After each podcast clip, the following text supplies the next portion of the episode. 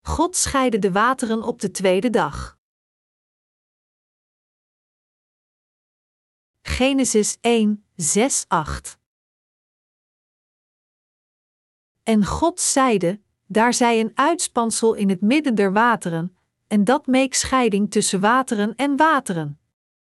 En God maakte dat uitspansel, en maakte scheiding tussen de wateren, die onder het uitspansel zijn, en tussen de wateren, die boven het uitspansel zijn. En het was al zo. En God noemde het uitspansel hemel. Toen was het avond geweest, en het was morgen geweest, de tweede dag. Toen God beval dat er in het midden van de wateren een firmament moest komen om het water van het water te scheiden, gebeurde dit volgens zijn woord. God noemde dit firmament hemel. In de geschrifte passage van vandaag legt God uit hoe hij op de tweede dag van de schepping het water onder het firmament scheidde van het water erboven. Oorspronkelijk was het een massa van water dat de planeet Aarde bedekte, maar God maakte een firmament en scheidde het water boven het firmament van het water op de aarde. Vandaag wil ik uitleggen wat deze geschrifte passage betekent en Gods zegeningen met u delen. Als we kijken naar Gods schepping van de hemelen en de aarde, dan ontdekken we dat Hij op de tweede dag verder gaat met dingen te scheiden zoals Hij dat gedaan had op de eerste dag. De geestelijke boodschap van Gods werk op de tweede dag is het volgende: Het is uiterst belangrijk Gods woord van de slechte woorden van Satan te onderscheiden. Anders gezegd, God zegt tegen ons dat wij het geloof moeten hebben dat geestelijk het water boven de hemel scheidt van het water op de aarde. Toen God de hemelen en de aarde schiep, scheidde Hij het water boven het firmament van het water eronder. Hij deed dit om ons te vertellen dat we het ware geloof moeten hebben, dat we als eerste het water boven het firmament moeten drinken. We moeten beseffen wat de geestelijke betekenis is van de reden waarom God het water scheidde. Alleen dan kunnen we geloven in het evangelie van het water en de geest dat Jezus Christus ons gegeven heeft, en alleen dan kunnen we Gods werk met geloof doen. De geschrifte passage van vandaag vertelt ons dat tenzij we in staat zijn het woord van God van de woorden van Satan te onderscheiden en te scheiden, wij voor eeuwig niet het domein van God kunnen binnengaan. De waarheid moet gescheiden worden van de onwaarheid. Als we niet in staat zijn de waarheid van de onwaarheid te scheiden, dan zullen we niet alleen niet in staat zijn Gods werk te doen, maar veel erger, we zullen eindigen door tegen God te staan. Dat is waarom God ons over deze kwestie vertelt. Echter, in het hedendaagse christendom zijn de zogenaamde wettische en evangelisten nog steeds niet in staat de waarheid van de onwaarheid te scheiden, valselijk gelovend in hun eigen mensgemaakte doctrines. Ze moeten beseffen dat dit de reden is waarom zij niet Gods domein kunnen binnengaan, ondanks dat zij in God geloven, omdat zij geloven in het water van de aarde, dat wil zeggen, de mensgemaakte doctrines. De leugenaars in de hedendaagse christelijke gemeenschappen steunen op en vertrouwen in deze mensgemaakte doctrines veel meer dan in datgene wat het feitelijke woord van God in de geschriften zegt. We moeten beseffen dat zelfs nu een groot deel van de schade wordt gedaan door veel christelijke leiders die doen alsof zij Gods werk doen, omdat zij feitelijk hun eigen vleeselijke lessen vermengen met het woord van God. We moeten het geestelijke woord van God van de lessen die voortkomen uit het vlees van de mens scheiden, en alleen dan kunnen we Gods werk correct doen. Voor de dienaren van God zijn de zwakheden of ontoereikendheden van hun vlees geen probleem. Integendeel, wat veel problematischer is voor de dienaren van God is als zij proberen Gods werk te doen zonder als eerste het geestelijke woord van de vleeselijke woorden te scheiden. Als iemand probeert Gods werk te doen zonder zorgvuldig na te denken en de woorden van de mensheid van het Gods gesproken woord te onderscheiden, dan zal hij uiteindelijk eindigen door geestelijke vernietiging te brengen naar zielen die niet vernietigd hadden hoeven te worden, om nog maar te zwijgen over zijn eigen ziel die vernietigd wordt. Wij die Gods werkers zijn geworden, moeten het woord dat God tegen ons spreekt met een duidelijk begrip prediken. Waarom? omdat dit de wil van God is. Het water boven het firmament en het water onder het firmament zijn fundamenteel verschillend. Dus, Gods werkers moeten de evangelische waarheid van het water en de geest kennen, valse evangelies van het ware evangelie scheiden, en alleen het evangelie van waarheid prediken. Nu zijn we precies in staat te weten wat het woord van God tegen ons zegt door het evangelische woord van het water en de geest. Gods werkers moeten daarom het geheim van het evangelie van het water en de geest correct weten, erin geloven en het aan iedereen prediken door hun geloof in dit evangelie te plaatsen. Alleen dan kan iedere zondaar de waarheid van de verlossing van God leren kennen, en door dit zal God verheerlijkt worden.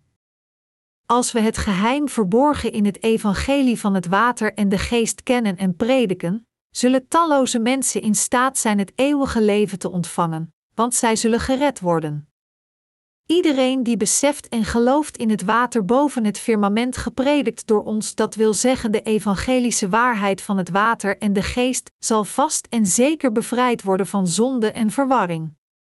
Zodat dit een waarheid wordt, moeten de dienaren van God in staat zijn het woord van de geest te prediken, het scheidend van de woorden van het vlees. Heeft Hij ons niet verteld dat Hij al de mensen van de wereld in een keer van al hun zonden heeft gered door het evangelische woord van het water en de geest? God vertelde ons dat het is door te geloven in het evangelische woord van het water en de geest, de waarheid die ons van de zonde redt, dat wij Zijn kinderen kunnen worden. Daarom moeten we het evangelische woord van het water en de geest duidelijk kennen, en we moeten het tegen iedereen met geloof prediken. We moeten het ware evangelie van de valse evangelie scheiden en ons geloof in het ware evangelie plaatsen. We moeten het aan al diegenen prediken die verlangen naar Gods waarheid. Sommige mensen beweren dat als zij gewoon in Jezus Christus geloven, zij onvoorwaardelijk van hun zonde gered worden zonder geloof in het evangelie van het water en de geest, maar dit is niet waar. Diegenen die niet de evangelische waarheid van het water en de geest kennen zeggen: men kan gered worden van zonde door blindelings in Jezus Christus te geloven. Dit is een leugen. In werkelijkheid is dit niet het geval. Hoewel de duivel er geen probleem mee heeft dat de mensen geloven in Jezus Christus, probeert hij hen naar de vernietiging te leiden door te voorkomen dat zij de perfecte vergeving van zonde ontvangen. Dit is een van zijn sluwste intriges. Satan is zelfs zo slim dat hij de zogenaamde kerk van God gebruikt om de mensen op de zekerste manier naar de vernietiging te leiden, door van hen een wettisch geloof te eisen en hen aan de zonde te binden. Het uiteindelijke doel van de duivel is om zoveel mogelijk valse evangelies te verspreiden, zelfs in het christendom, zodat zelfs de christenen niet het evangelie van het water en de geest leren kennen, en uiteindelijk vernietigd worden voor hun zonden. Omdat het loon van de zonde de dood is, is het werk van de duivel ook de dood. De duivel is meesterlijk bedreven in talloze mensen van Gods waarheid af te leiden, door hen alleen de woorden van de valse evangelies te laten horen die de begeertes van hun vlees bevredigen. Dit is waar het uiteindelijke doel van de duivel ligt. Door de evangelische waarheid van het water en de geest te kennen die de Heer ons gegeven heeft, en door erin te geloven, moeten we allemaal ontsnappen aan de slechte streken van de leugenachtige duivel en worden gered. Als zodanig moeten we beseffen dat de dienaren van de duivel de zielen van de mensen hebben gevoed met de woorden van Satan vermengd met het woord van God, hen daarmee naar de dood leidend. Wat is hieruit voortgekomen, door de leerstellingen van de duivel te mixen met Gods woord? Hier is niets anders uit voortgekomen dan valse evangelies. Net zo, als de dienaren van Satan deze valse evangelies blijven prediken, nemen zij de leiding in de vernietiging van zielen die niet hadden hoeven sterven. Dit is het werk van Satan en van de leugenaars.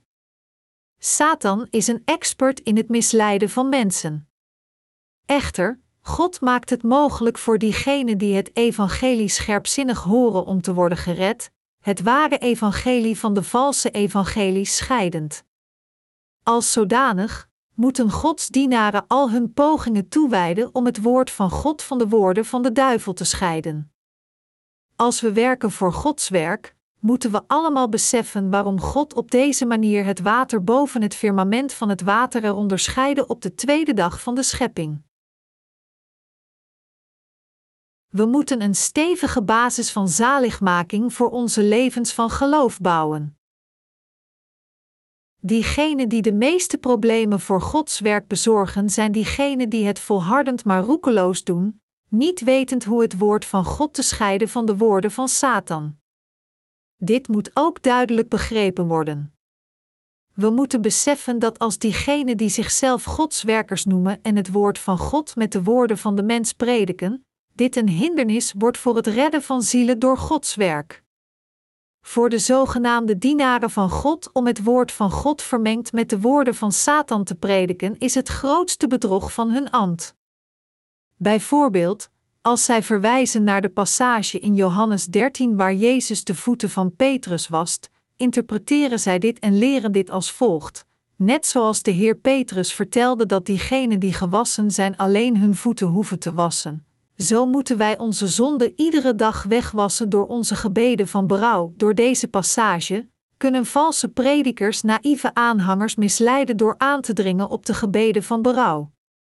Inderdaad, hadden wij niet de vergeving van onze zonde ontvangen door wedergeboren te worden door het evangelische woord van het water en de geest, dan zouden wij ook misleid zijn geworden door de leugenaars die heersen in dit tijdperk en geen andere keus hebben gehad dan zeker naar de plaats van vernietiging te gaan. Diegenen die geen geestelijk onderscheidingsvermogen hebben, hebben dit verkeerd begrepen en onderwijzen de mensen verkeerd dat zij hun zonde iedere dag moeten wegwassen. Echter, de dienaren van God die geloven in het evangelie van het water en de geest interpreteren deze passage niet zoals de valse predikers. Zij onderwijzen dat toen Jezus Christus gedoopt werd door Johannes de Doper in de rivier de Jordaan, hij al de zonden van de wereld voor eens en altijd droeg, naar het kruis ging, gekruisigd werd en zijn bloed vergoot, en ons daarmee voor eens en altijd heeft gered van onze zonden. Jezus Christus is de Verlosser die al de zonden van deze wereld voor eens en altijd heeft weggewassen met het evangelie van het water en de geest. De Bijbel zegt dat dit evangelie van het water en de geest de waarheid is.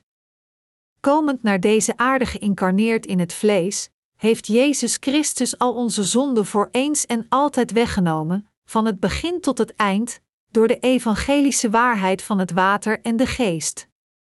Toen Jezus Christus naar deze aarde kwam, werd hij een keer gedoopt door Johannes de Doper. Terwijl hij al de zonden van deze wereld schouderde, werd hij veroordeeld voor onze zonden door te worden gekruisigd en zijn bloed tot de dood te vergieten, en door weer van de dood te verrijzen, is hij voor eeuwig de verlosser van diegenen geworden die geloven in het evangelie van het water en de geest. Toen Jezus de voeten van zijn leerlingen in Johannes 13 weest, sprak hij over het evangelie van het water en de geest, de zaligmaking van waarheid, dat hij al de zonden van de leerlingen had weggewassen, zelfs diegenen die in de toekomst gepleegd zouden worden. Maar ondanks dit, beseffen talloze mensen nog steeds niet de waarheid van zaligmaking, want zij hebben het ware evangelie van het water en de geest van God nog niet gevonden. Diegenen die alleen met het woord van God dat boven het firmament is zijn gevoed weigeren het water te drinken dat eronder is. Echter diegenen, die alleen het water onder het firmament hebben gedronken, willen niet van het pure water dat erboven is drinken. Jezus Christus zei: En niemand, die ouden drinkt, begeert terstond nieuwen, want hij zegt: De oude is beter. Lucas 5 uur 39. In de echter wereld is oude wijn beter. Iemand die oude wijn heeft geproefd, zal niet snel nieuwe wijn, die net gebrouwen is, willen drinken. Echter, in het geestelijk domein is het compleet tegenovergesteld. Als we kijken naar de geschiedenis van de mensheid, dan kunnen we zien dat ongeacht hoe lang het ook is, de filosofische en religieuze leerstelling die voortkwamen uit gedachten van de mens compleet het tegenovergestelde zijn van het woord van God. Ongeacht hoe oud of diepzinnig de filosofieën en ideeën van deze wereld ook mogen zijn, ze zijn niets meer dan primitieve onzinnige leerstellingen, onvergelijkbaar met de echte waarheid van zaligmaking die de mensen van hun zonde bevrijdt, het evangelie van het water en de geest.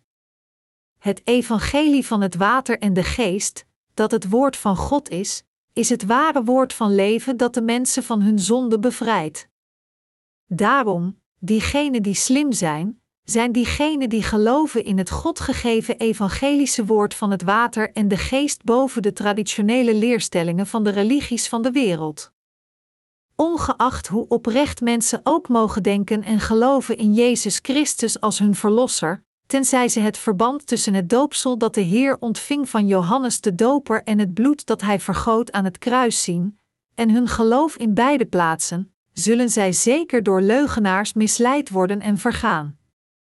Als ons dit gebeurt, dan zullen wij ook afdrijven van Gods zegeningen en het eeuwige leven.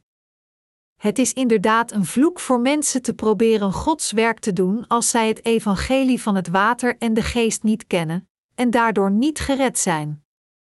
Zij vernietigen feitelijk Gods werk, verre van het te dienen. Anders gezegd, onder de hedendaagse christenen die beleiden te geloven in Jezus Christus als hun Verlosser, als iemand niet het geloof heeft in het evangelie van het water en de geest, dan doet hij niet Gods werk, maar het werk van Satan. Dergelijke pastoors doen niet Gods werk, maar eerder prediken zij ijverig om hun eigen begeertes te vervullen. U moet beseffen dat het niet de vele leugenaars in deze wereld zijn die Gods werk doen, maar het diegenen zijn die geloven in de evangelische waarheid van het water en de geest die oprecht Gods werk doen. Velen van de hedendaagse christenen zijn niet in staat het evangelische woord van het water en de geest van de woorden van Satan te scheiden, gepredikt door leugenaars. Hierdoor worden ze misleid door Satan en naar de vernietiging geleid. Dus moeten zij proberen te luisteren naar het evangelie van het water en de geest, dat het woord van God is. Maar naar welk soort van preken zijn de ontelbare christenen van deze wereld op zoek? Zoeken zij naar de dienaren van God die het water dat boven het firmament prediken, of zijn zij op zoek naar de dienaren die prediken over het water eronder? Te veel christenen zijn op zoek naar diegenen die gemengd het water van boven het firmament met het water eronder prediken. Hadden zij de vergeving van hun zonde ontvangen door te geloven in het evangelie van het water en de geest, dan zouden zij gezocht hebben naar de dienaren van God die het woord dat boven het firmament is prediken. Op dit moment proberen talloze mensen die niet gereinigd zijn van hun zonden, omdat zij onwetend blijven over de evangelische waarheid van het water en de geest, een leven van geloof voor God te leiden. Echter, diegenen die nog bevrijd zijn van hun zonden zijn misleid geworden door leugenaars, en dus leiden zij een vleeselijk religieus leven. Tot op de dag van vandaag zijn veel pastoors die zichzelf godsdienaren noemen op deze manier misleid geworden door Satan, en dientengevolge zijn zij alleen bezig met een dwaas en nutteloos ambt. Maar er is een duidelijk verschil tussen het geloof van het geloof van dergelijke mensen en dat van diegenen die geloven in het evangelie van het water en de geest. In de harten van diegenen die geloven in een vals evangelie, niet in het evangelie van het water en de geest, zien we dat er geen Heilige Geest in hen aanwezig is. Hoewel zij op dit moment in Jezus als hun Verlosser geloven, kan de Heilige Geest niet op hen neerdalen, want de evangelische waarheid van het water en de geest is niet in hen. De reden hiervoor is omdat zij nog steeds in de duisternis verblijven, niet wetend dat het evangelische woord van het water en de geest de echte waarheid van de vergeving van zonde is. Anders gezegd, het is omdat zij nog steeds zonde in hun harten hebben. In tegenstelling, in de harten van de wedergeborenen die bevrijd zijn van al hun zonde door te geloven in het evangelie van het water en de geest, is de Heilige Geest. Dus, dankzij de Heilige Geest in hun harten, kunnen zij de woorden van de mens onderscheiden van het woord van God. Als zodanig kunnen zij Gods woord correct prediken, en omdat zij geloven in het woord van waarheid, kunnen zij ook zijn koninkrijk correct vestigen. De rechtvaardige kan de woorden van Satan onderscheiden van het woord van God, en door dit ware geloof kunnen zij het ware evangelie van zaligmaking prediken. Diegenen die de glorie van God tot op vandaag bedekken, zijn diegenen die niet de evangelische waarheid van het water en de geest kennen. Zij hebben absoluut niets te maken met God. Zij staan heel ver van God af. Het is zeer tragisch dat er zoveel dergelijke pastoors om ons heen zijn. Hoewel deze mensen beweren Gods werk vanuit een vrijwillig verlangen te doen, doen zij feitelijk Satans werk en niet Gods werk. Verre van het doen van Gods werk, zijn zij het in feite aan het belasteren, maar het serieuzere probleem is dat zij dit niet beseffen. Een kenmerk van dergelijke leugenaars is het feit dat zij geen kennis hebben van de waarheid, maar zijn desondanks zeer druk bezig. Nu moeten zij als eerste geloven in het evangelie van het water en de geest, het evangelie van God. Nu moeten zij luisteren naar het evangelische woord van het water en de geest voortvloeiend vanuit Gods kerk. Nu moet het werk van God worden toevertrouwd aan diegenen die geloven in de evangelische waarheid van het water en de geest. En u moet ook het evangelie van waarheid dienen, verenigd met de gelovigen in het evangelie van het water en de geest. Als u beweert nu Gods werk te doen, maar u kent niet het evangelie van het water en de geest, het evangelie van waarheid, dan moet u nog harder zoeken naar het evangelie van het water en de geest, want u bent geestelijk blind. Net zoals het belangrijk is een stevige fundering te leggen als men een huis bouwt, voor ons om Gods werk te doen, moeten we als eerste onze basis van geloof correct leggen, door te geloven in het evangelie van het water en de geest. Men kan als Godswerker alleen naar buiten gaan om anderen te redden als hij zelf voor eens en altijd gered is. Als mensen allerlei trucjes gebruiken om zelf Godswerkers te worden zonder als eerste zelf gered te zijn, dan zal hun geloof uiteindelijk machteloos afbrokkelen. Zodat u mensen van geloof voor God wordt, moet u als eerste de vergeving van uw zonden door de evangelische waarheid van het water en de geest ontvangen, gered worden van al uw zonden en een huis van geloof bouwen op de fundering van het ware geloof van de ware zaligmaking. Met het woord van God moeten we als eerste de basis van zaligmaking leggen, de ware vergeving van zonden en dan ons op de weg van geloof wagen. Het zijn dergelijke mensen die wijs zijn voor God. We moeten allemaal ons ware huis van zaligmaking stichten met de evangelische waarheid van het water en de geest, en dan deelnemen aan het bouwen van het koninkrijk van God. We moeten in Jezus Christus als onze Verlosser geloven, die naar deze aarde kwam voor de evangelische waarheid van het water en de geest, en we moeten met de Heer wandelen. Alleen dan kunnen we het evangelie van de Heer prediken en met Hem tot het einde toe wandelen. Zelfs als het een tijdje duurt, we moeten als eerste de basis van zaligmaking stevig leggen met het woord van waarheid, en op deze fundering het huis van geloof stevig als een rots bouwen. In de ogen van de mensen lijkt het zeer langdurig de basis van iemands zaligmaking te leggen en dan pas te beginnen aan zijn leven van geloof. Maar vanuit het gezichtspunt van het geloof kunnen we zien dat dit veel verstandiger is. We moeten ons huis van geloof bouwen met de evangelische waarheid van het water en de geest. Nu dat we geloven in de evangelische waarheid van het water en de geest, kunnen we allemaal de ware zaligmaking verkrijgen. En nu dat we ons huis van geloof op de ware zaligmaking hebben gebouwd, kunnen we leven met de vrede van God en we hoeven nergens meer bang voor te zijn. De reden waarom wij, de gelovigen in het evangelie van het water en de geest, moeten leven in deze wereld is om iedereen in staat te stellen gered te worden van zonde en Gods kind worden. Om dit te doen, moeten we als eerste een stevige basis van geloof leggen met het evangelie van het water en de geest, en dan pas Gods werk doen. Alleen dan ontsnappen we aan het oordeel van zonde ongeacht wanneer Jezus Christus terugkeert naar deze aarde. Echter, diegenen die hun levens van geloof beginnen zonder zelfs te geloven in het evangelie van het water en de geest zijn als iemand die zijn huis bouwt op zand. God zei dat op de dag van zijn oordeel, iemand die zijn huis gebouwd had op zand niet zou ontsnappen aan het oordeel van God, en zijn val groot zal zijn. Als zodanig moeten we allemaal het huis op de ware vergeving van zonde bouwen door te geloven in de evangelische waarheid van het water en de geest. Op de tweede dag van de schepping maakte de Heer een hemelgewelf en scheidde het water boven de hemel van het water eronder. God noemde de ruimte tussen de hemelen en de aarde de hemel.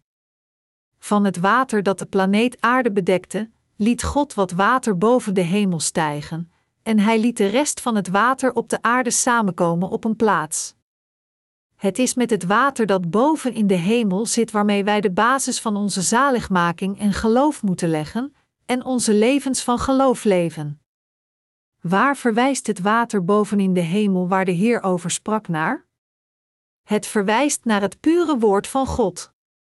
Van heel het woord van God is het evangelische woord van het water en de geest, meer dan al het andere, het water bovenin de hemel. Door het doopsel dat hij ontving van Johannes de Doper en het kostbare bloed dat hij vergoot aan het kruis, heeft de Heer ons van de zonde van de wereld bevrijd en ons tot Gods kinderen gemaakt. En de Heer heeft ons ook toevertrouwd met het werk van God, die nu Gods mensen zijn geworden door te geloven in het evangelie van het water en de geest en wedergeboren van zonden. Net zo heeft God ons zijn koninkrijk gegeven, zijn zegeningen en ook zijn liefde. God zegent diegenen die bevrijd zijn van hun zonden en rechtvaardig zijn geworden door het water dat bovenin de hemel zit te drinken. Deze zegening is echter buiten het bereik van diegenen die niet het water dat bovenin de hemel zit drinken. Integendeel, het tegenovergestelde zal met hen gebeuren.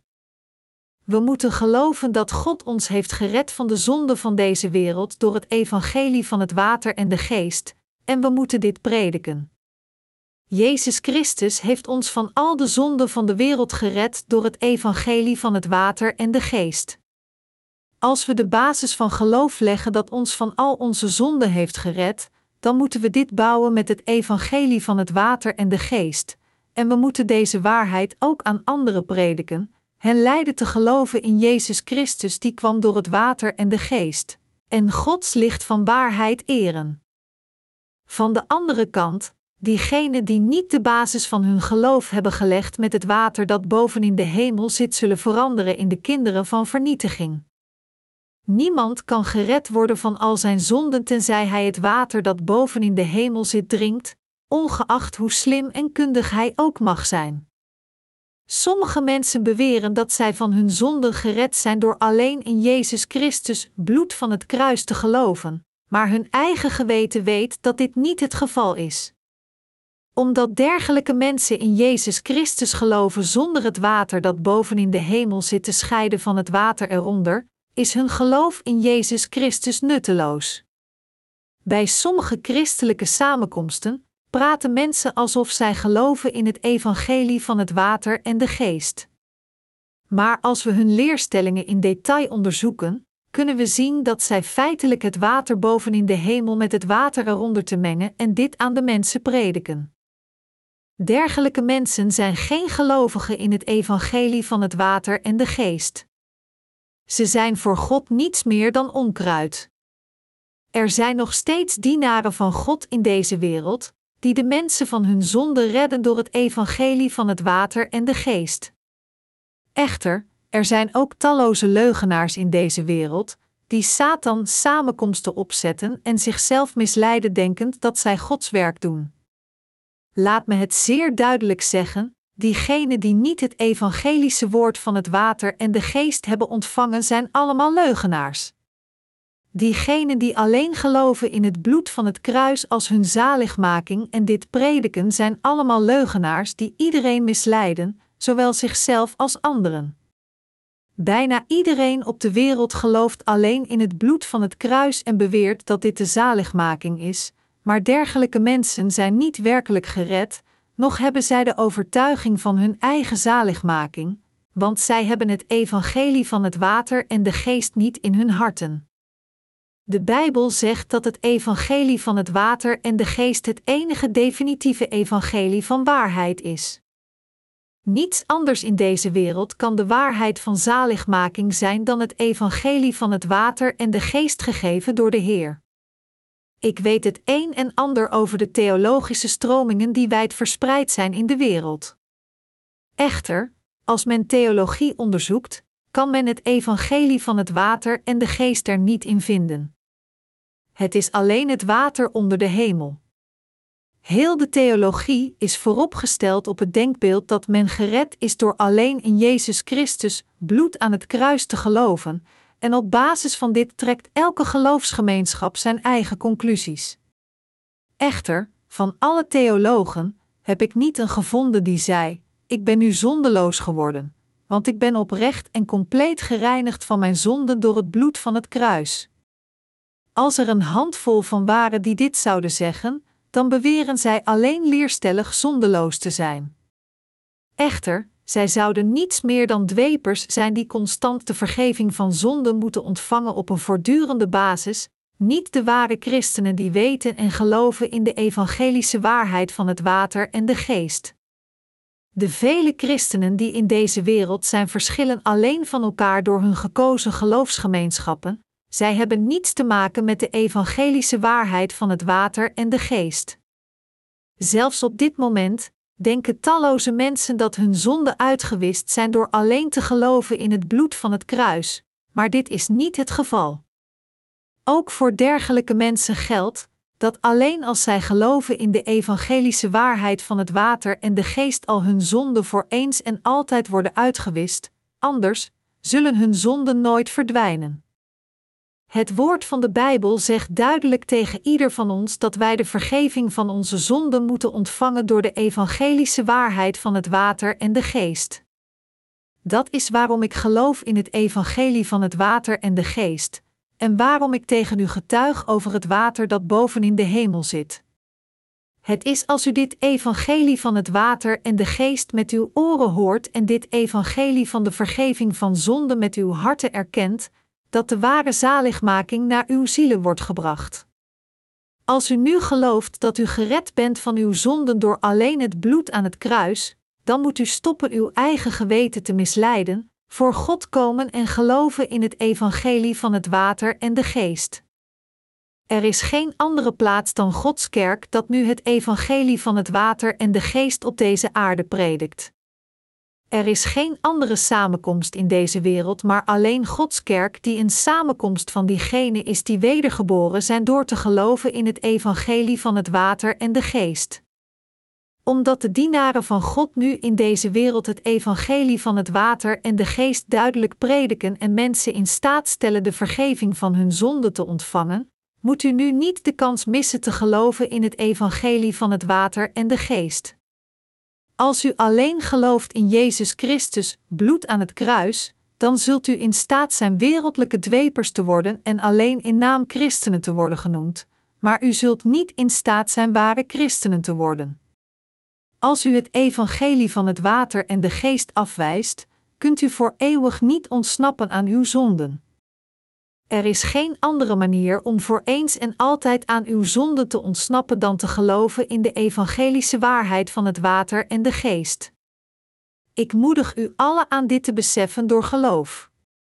Dat is omdat God nooit tegen de zondaars zei: U bent rechtvaardig, en mijn mensen, en hij schrijft hun namen ook niet in het boek van leven. Een eigenschap die gewoon is aan alle ketters in het christendom is dat zij gemengd het water dat boven het firmament is met het water eronder prediken. In tegenstelling, de evangelische waarheid van het water en de geest verklaart dat al de zonden van deze wereld werden doorgegeven aan het hoofd van Jezus Christus voor eens en altijd toen hij gedoopt werd door Johannes de Doper. Al onze zonden werden doorgegeven in een keer aan het lichaam van Jezus Christus, doorgegeven door het doopsel dat hij ontving van Johannes de Doper. Maar ondanks dit, negeren mensen deze waarheid en proberen gered te worden van hun zonden door alleen in het bloed van het kruis te geloven. En dat is waarom zij niet oprecht gered kunnen worden. Hun geloof in Jezus Christus is compleet nutteloos. Het is omdat wij geloven in het evangelie van het water en de geest dat wij gedoopt zijn in de naam van de Vader, de Zoon en de Heilige Geest nadat we gered zijn. Wij de gelovigen zijn gedoopt in water als teken van ons geloof, gelovend dat Jezus Christus door gedoopt te worden door Johannes de Doper en zijn bloed te vergieten, al onze zonden voor eens en altijd wegwaste en heel de veroordeling droeg. Het is een teken van geloof in het evangelie van het water en de geest dat wij gedoopt zijn op dezelfde manier zoals Jezus Christus werd gedoopt. Wij drukken ons geloof in het evangelie van het water en de geest met dit ritueel uit. Wij zijn gedoopt in de naam van Jezus Christus als een teken van ons geloof, te kennen gevend dat dit is hoe wij geloven. Diegenen die geloven in het evangelie van het water en de geest, kunnen niet met diegenen zijn die niet hierin geloven. De Bijbel zegt: trek niet een ander juk aan met de ongelovigen, want wat mededeel heeft de gerechtigheid met de ongerechtigheid, en wat gemeenschap heeft het licht met de duisternis? En wat samenstemming heeft Christus met Belial, of wat deel heeft de gelovigen met den ongelovigen? 2 Korinthe 6, 14, 15 Gods kerk is een samenkomst van heiligen die de vergeving van hun zonden hebben ontvangen en heilig zijn geworden in het evangelie van het water en de geest. 1 Korinthe 1, 2. Dus, diegenen die niet geloven in het evangelie van het water en de geest kunnen geen deel zijn van Gods kerk. De basis van geloof van de heiligen mag niet vallen. Als ons geloof in het evangelie van het water en de geest, dat de basis van zaligmaking in onze harten vormt, wordt vernietigd, dan kan Jezus Christus niet in onze harten verblijven. Jezus Christus is de Verlosser geworden die ons de zaligmaking van de vergeving van zonde voor eens en altijd heeft gegeven. Na ons komend door het water en de het bloed, heeft de Heer al onze zonden voor eens en altijd uitgewist. Dat is waarom wij leven met geloof, zittend aan de basis van het geloof van het evangelie van het water en de geest, de waarheid van de vergeving van zonden, die Jezus Christus in onze harten heeft neergelegd. Echter, als onze geloof in het evangelie van het water en de geest, dat de basis van zaligmaking is, uiteenvalt, dan hebben we geen plaats om onze lichamen en harten naartoe te brengen. De harten van de rechtvaardigen hebben geen andere plaats dan te verblijven in het evangelie van het water en de geest, dus zonder dit evangelie zouden zij verloren zijn. Zodat Jezus Christus uw ware verlosser wordt, moet u uw huis van geloof stevig op het evangelie van het water en de geest bouwen, het woord van God.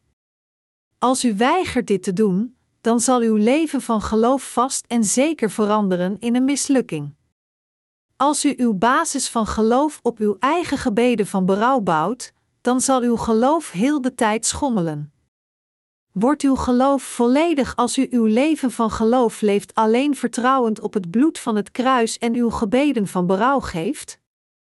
Nee, een dergelijk geloof zal zeker heel de tijd wankelen. Dat is waarom we moeten geloven in het water dat boven het firmament is, dat wil zeggen, in het evangelie van het water en de geest als de waarheid van de vergeving van onze zonden. Diegenen die de woorden van de mens horen zonder hen van het woord van God te scheiden, zullen zeker van God afdrijven. Dus moeten we onfeilbaar de waarheid van de valsheid scheiden en geloven in datgene wat waar is. Diegenen die geloven zonder het woord van God te scheiden van de woorden van de mens zullen vergaan. Daarom, moeten we stevast de waarheid van zaligmaking van de valsheid scheiden, het duidelijk onderscheiden en alleen in de waarheid geloven. Mijn medegelovigen, kunnen uw zonden worden weggewassen zonder het doopsel dat Jezus Christus van Johannes de Doper ontving? Nee, de zonden van deze wereld kunnen nooit worden weggewassen zonder het evangelie van het water en de geest dat Jezus Christus aan ons heeft gegeven. Hoe kunnen we geloven dat de zonden van de wereld worden weggewassen zonder het evangelie van het water en de geest? Daar Jezus Christus al de zonden van de wereld overnam door te worden gedoopt door Johannes de Doper, zijn bloed dient gevolgen vergoot, en daarmee de rechtvaardigheid van God vervulde, diegenen die in deze waarheid met hun harten geloven zijn voor eens en altijd gereinigd van hun zonden. Ondanks dat we iedere dag zondigen, omdat wij geloven in de evangelische waarheid van het water en de geest, en niet in de gebeden van berouw, zijn onze zonden compleet weggewassen. Hoe kunnen de zonden van deze wereld anders uit onze harten worden weggewassen? Kijkend door ons geloof in het evangelie van het water en de geest, werden onze zonden voor eens en altijd weggewassen, en het feit dat onze zonden werden weggewassen is verleden tijd. Het is omdat wij geloof hebben in het doopsel van Jezus Christus dat al de talloze zonden in onze harten voor eens en altijd werden weggewassen door geloof. Jezus Christus werd gedoopt door Johannes de Doper, Matthäus 3, 13, 17. Het woord doopsel betekent als eerste gewassen worden. Al onze zonden werden weggewassen door het doopsel dat Jezus Christus ontving. Het woord doopsel betekent ook te begraven, en dus omdat Jezus Christus gedoopt was door Johannes de Doper, kon hij aan het kruis sterven, zeggend: Het is volbracht. Daarom, diegenen die geloven in het evangelie van het water en de geest zijn met Jezus Christus gestorven en geestelijk met hem verrezen door geloof. In het Oude Testament staat dat toen Aaron de hoge priester zijn handen op het offerlam legde, al de zonden van een heel jaar gepleegd door het volk van Israël werden doorgegeven aan het offerlam. Net zo, toen Jezus Christus gedoopt werd door Johannes de Doper, werden al de zonden van de mensheid voor eens en altijd doorgegeven aan Jezus Christus. En Jezus Christus droeg de veroordeling van zonde in onze plaats. Zonder het doopsel dat Jezus Christus van Johannes de Doper ontving, kunnen we nooit vergeven worden van de zonde van de wereld. Net zo, in het boek van Genesis hoofdstuk 1, getuigt God al over het evangelie van het water en de geest, dat het water boven het firmament is. We moeten duidelijk het water boven het firmament van het water er onderscheiden, en moeten alleen geloven in het evangelie van het water en de geest, het water boven het firmament. Jezus zei in Matthäus 7, 21, 23, niet een iegelijk, die tot mij zegt, Heere, Heere. Zal ingaan in het koninkrijk der hemelen, maar die daar doet en wil mijns vaders, die in de hemelen is. Velen zullen te dien dagen tot mij zeggen, Heere, Heere. Hebben wij niet in uw naam geprofeteerd, en in uw naam duivelen uitgeworpen, en in uw naam vele krachten gedaan? En dan zal ik hun openlijk aanzeggen: Ik heb u nooit gekend, gaat weg van mij, gij, die de ongerechtigheid werkt. Op de laatste dag zullen er talloze mensen zijn die, ondanks dat zij vurig in Jezus Christus geloven, in de hel moeten worden gegooid. Een tijdje terug heb ik een kerk geplant in een havenstad genaamd Changbon gelegen aan de zuidkust van Korea en ik heb daar gepredikt. Ik heb daar een kantoor gehuurd op de derde verdieping van een groot gebouw gelegen in een commercieel gebied en begon mijn ambt. Omdat ik nieuw in de stad was, besefte ik niet dat er een andere kerk was die dezelfde naam gebruikte als de kerk die ik geplant had. Op een dag kwam een pastoor en zijn vrouw mij laat op de avond opzoeken. Toen ik hem vroeg: Wat kan ik voor u doen? zei de pastoor: ik ben de pastoor van de Zo en Zo Kerk, en ik ben gekomen met bemoedigende woorden, daar een nieuwe kerk is ontsprongen met dezelfde naam als mijn kerk. De pastoor legde me uit dat hij al voor lange tijd met deze kerknaam had gewerkt, en dat een andere kerk met dezelfde naam verwarring zou brengen, zoals de post die aan het verkeerde adres gebracht zou worden. Dus vroeg hij mij de naam van mijn kerk te veranderen. Ik zei tegen hem: erop wijzend dat het adres en kerkgenootschap verschillend waren. Ik kan begrijpen dat mensen verward raken als het kerkgenootschap dezelfde waren, maar sinds het adres en het kerkgenootschap verschillend zijn, is dat dan niet duidelijk genoeg. Niets om verward over te raken? Kijk naar het bord daarbuiten. Is ons adres en kerkgenootschap niet verschillend van dat van u? Maar de pastoor begon zijn koppigheid te tonen en blijf vasthoudend, dat kan wel zijn, maar u moet de naam van uw kerk veranderen. Na een tijdje met dit koppel gepraat te hebben in de kerk, nodigde ik hen uit naar in mijn kantoor. Terwijl ik hen thee inschonk, zei ik tegen hen: Ik zal over deze zaak nog nadenken. Ik zal de naam veranderen als ik beslis dat dit beter zou zijn, maar in elk geval moet ik u om compensatie vragen. Als de naam van mijn kerk moet veranderen, dan moet ik het bord veranderen en er moeten nieuwe pamfletten gedrukt worden. Dit is extra werk en het zijn extra kosten die gemaakt moeten worden om anderen te informeren over onze naamsverandering. Kunt u dit alles financieel compenseren? Maar dit is iets dat ik zal beslissen na er nog over nagedacht te hebben. Hoe het ook zij, hebt u zonden, dominee? Iets verbijsterd door mijn onverwachte vraag, antwoordde de pastoor: Ik heb geen zonden. Ik vroeg hem: Hoe komt het dat u geen zonden hebt? Ik heb geen zonden omdat ik geloof in het bloed van Jezus Christus. Pleegt u dan niet opnieuw zonden? Bent u dan nog steeds zondeloos, zelfs als u opnieuw zondigt? Ik heb nog steeds geen zonden. Als u zonde pleegt, geeft u dan niet gebeden van berouw? Ja, dat doe ik. U zei net dat u geen zonden hebt, en toch geeft u gebeden van berouw wanneer u een zonde pleegt? Hoe bidt u dan als u berouw toont? Vraagt u God uw zonde weg te wassen, of bedankt u Hem voor het feit dat Hij ze al heeft weggewassen? Ik vraag Hem, natuurlijk, om ze weg te wassen. Is dit dan niet het bewijs van het feit dat er nog steeds zonden in uw hart zitten? U bent mijn kerk ingestapt om het probleem van de naam te bespreken, maar u moet niet met lege handen weggaan. Vanaf dat moment legde ik het evangelie van het water en de geest in detail aan hen uit, en hoewel het wat tijd kostte, gingen de pastoor en zijn vrouw uiteindelijk geloven in het evangelie van het water en de geest. Zij namen de beslissing al hun voormalige ambten te beëindigen en het evangelie van het water en de geest te dienen, en ze vroegen mij hen te begeleiden. Jammer genoeg hoorde ik dat de pastoor uiteindelijk een samenkomst bewoonde van diegenen die alleen in het bloed van het kruis geloven, en dient gevolgen, brokkelde de correcte basis van geloof helemaal af.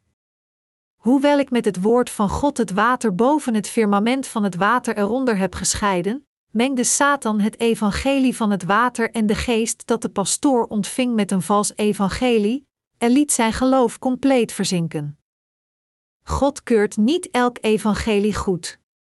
We moeten beseffen wat het betekent als de Bijbel zegt dat God het water boven het firmament scheidde van het water eronder, en we moeten dit met geloof volgen. We moeten nu beseffen dat als we zeggen dat elk evangelie juist is, we geestelijk gesproken, zullen eindigen compleet wegzinkend. De zwakheid van ons geloof is het probleem, niet het woord van God. Gods woord van waarheid is perfect en onveranderlijk. Gods woord is waar en compleet. Gezien dit gegeven, kunnen mensen Gods woord niet verwikkelen in tegenstrijdigheden, omdat zij zwak zijn. Zij moeten alleen geloven in het evangelie van het water en de geest. De Heer zei: Ik ben de weg, en de waarheid, en het leven. Het woord van God is de waarheid. Wat de Heer zei is de waarheid. Het is het leven. Het is de weg. Een bepaald kenmerk dat gewoon is aan alle leugenaars is dat zij nooit het evangelie van het water en de geest prediken, maar zij zijn alleen geobsedeerd meer en meer mensen in hun schoot te trekken. Om dit te doen, prediken zij alleen wat het menselijke verstand wil horen. Zij leren hun aanhangers dat als zij in Jezus Christus geloven en trouw zijn aan de kerk, zij gezegend zullen worden in voorspoed en een gezond en lang leven op deze aarde zullen leven. Echter, we moeten niet aan de mensen het water dat boven firmament is vermengd met het water dat eronder is prediken. Als we dit doen, dan zal het voor hen niet mogelijk zijn wedergeboren te worden, bevrijd van hun zonden. De leugenaars beweren dat zij zelf godsmensen zijn, maar alleen wat betreft de leer, terwijl in feite hun zonden nog steeds in hun harten zitten. Diegenen die nu de Heilige Geest hebben ontvangen door te geloven in het evangelie van het water en de geest zijn in staat de diepzinnigheid van God te weten door de hulp van de Heilige Geest, en dus kunnen zij de harten van de mensen duidelijk geopenbaard door het woord van waarheid zien. Als we de harten van de mensen onderzoeken met het ware woord van het water en de geest, kunnen we ontdekken of er zonde in hun harten zijn of niet. Sinds God het geloof, de wijsheid en geestelijk onderscheiding heeft gegeven aan diegenen die geloven in het evangelie van het water en de geest, kunnen wij gemakkelijk ontdekken of iemand een zondaar of een rechtvaardig persoon is door te kijken naar zijn ogen en door een kort gesprek met hem. Het enige dat wij hoeven te doen om te onderscheiden of iemand gered is of niet, is door hem te vragen uit te leggen hoe hij gered is geworden en te luisteren naar zijn verklaring. Als zodanig kennen we de geestelijke conditie van de mensen door te geloven in de evangelische waarheid van het water en de geest. In tegenstelling echter, diegenen die niet het water dat boven het firmament is scheiden van het water eronder zijn niet in staat de waarheid van de leugen te onderscheiden. Dat is waarom het zo belangrijk is dit water te begrijpen dat boven het firmament is, erin te geloven en het aan anderen te prediken. Het water boven het firmament moet duidelijk gescheiden worden als het water dat boven het firmament is. Het water onder het firmament moet duidelijk gescheiden worden als het water dat onder het firmament is, en zij moeten dienovereenkomstig gepredikt worden. We moeten het evangelie met een onderscheidingsvermogen prediken, het evangelie van het water en de geest scheidend van de andere evangeliën. We moeten de woorden van de duivel scheiden van Gods woord en alleen het woord van God prediken. We moeten nooit wat waar is mengen met leugens. God zegt: Uw akker zult gij niet met tweeërlei zaad bezaaien. Leviticus 19 uur 19. Daar God ons beval niet ons veld te zaaien met gemengd zaad, moeten we duidelijk alleen het evangelie van het water en de geest prediken waar wij in geloven. We moeten alleen het geschreven woord van God prediken. Sommige mensen vragen: betekent dit dat de reiniging van onze zonden alleen bereikt wordt door het doopsel? De zonden van de mensheid worden gereinigd door het doopsel van Jezus Christus en zijn bloed aan het kruis. Echter, het is door het doopsel dat Jezus Christus ontving dat sommige mensen gereinigd werden van hun zonden in hun harten die doorgegeven werden aan Jezus Christus, en het is door zijn bloed aan het kruis dat deze zonden werden veroordeeld. Heeft God dit ook zo in het Oude Testament gezegd? Ook in het Oude Testament spreekt God dezelfde waarheid. Het complete woord van het Oude Testament is een afschaduwing van het woord uit het Nieuwe Testament. De afschaduwing van het doopsel dat Jezus Christus ontving in het tijdperk van het Nieuwe Testament is de besnijdenis in het tijdperk van het Oude Testament. In de tijd van het Oude Testament waren diegenen die niet besneden waren niet bevoegd het paaslam te eten, Exodus 12 uur 48. Iemand die het paaslam wilde eten moest besneden zijn, zelfs als hij een Israëliet was. Diegenen die niet lichamelijk besneden waren mochten niet deelnemen aan het paasfeest. Deze regel is evenzeer van toepassing op het Nieuwe Testament. We kunnen niet het feest van de hemel binnengaan tenzij we wedergeboren zijn. En we worden wedergeboren van al onze zonden alleen als we geloven in het evangelie van het water en de geest. De Heer zei dat het is door te geloven in het evangelie van het water en de geest dat we wedergeboren worden zonder zonde en het koninkrijk van God kunnen binnengaan. Dat is waarom iedereen moet geloven in het evangelie van het water en de geest, gereinigd moet worden van hun zonden en wedergeboren worden. We moeten geloven in het evangelie, dat de Heer ons heeft gered van de zonde van de wereld door zijn water en bloed. Het evangelische woord van het water en de geest is duidelijk het woord dat boven het firmament is. Maar ondanks dit hebben de hedendaagse christenen niet het verlangen het evangelie van het water en de geest te kennen, verre van erin te geloven. Het is omdat het christendom tot op vandaag geweigerd heeft te geloven in het evangelie van het water en de geest gegeven door de Heer, dat het corrupt is. Als zodanig moet iedere christen berouw hebben en geloven in het evangelie van het water en de geest. Waarom is het christendom over de hele wereld zo troosteloos geworden? Dat is omdat het geweigerd heeft te geloven in en het water boven het firmament te prediken.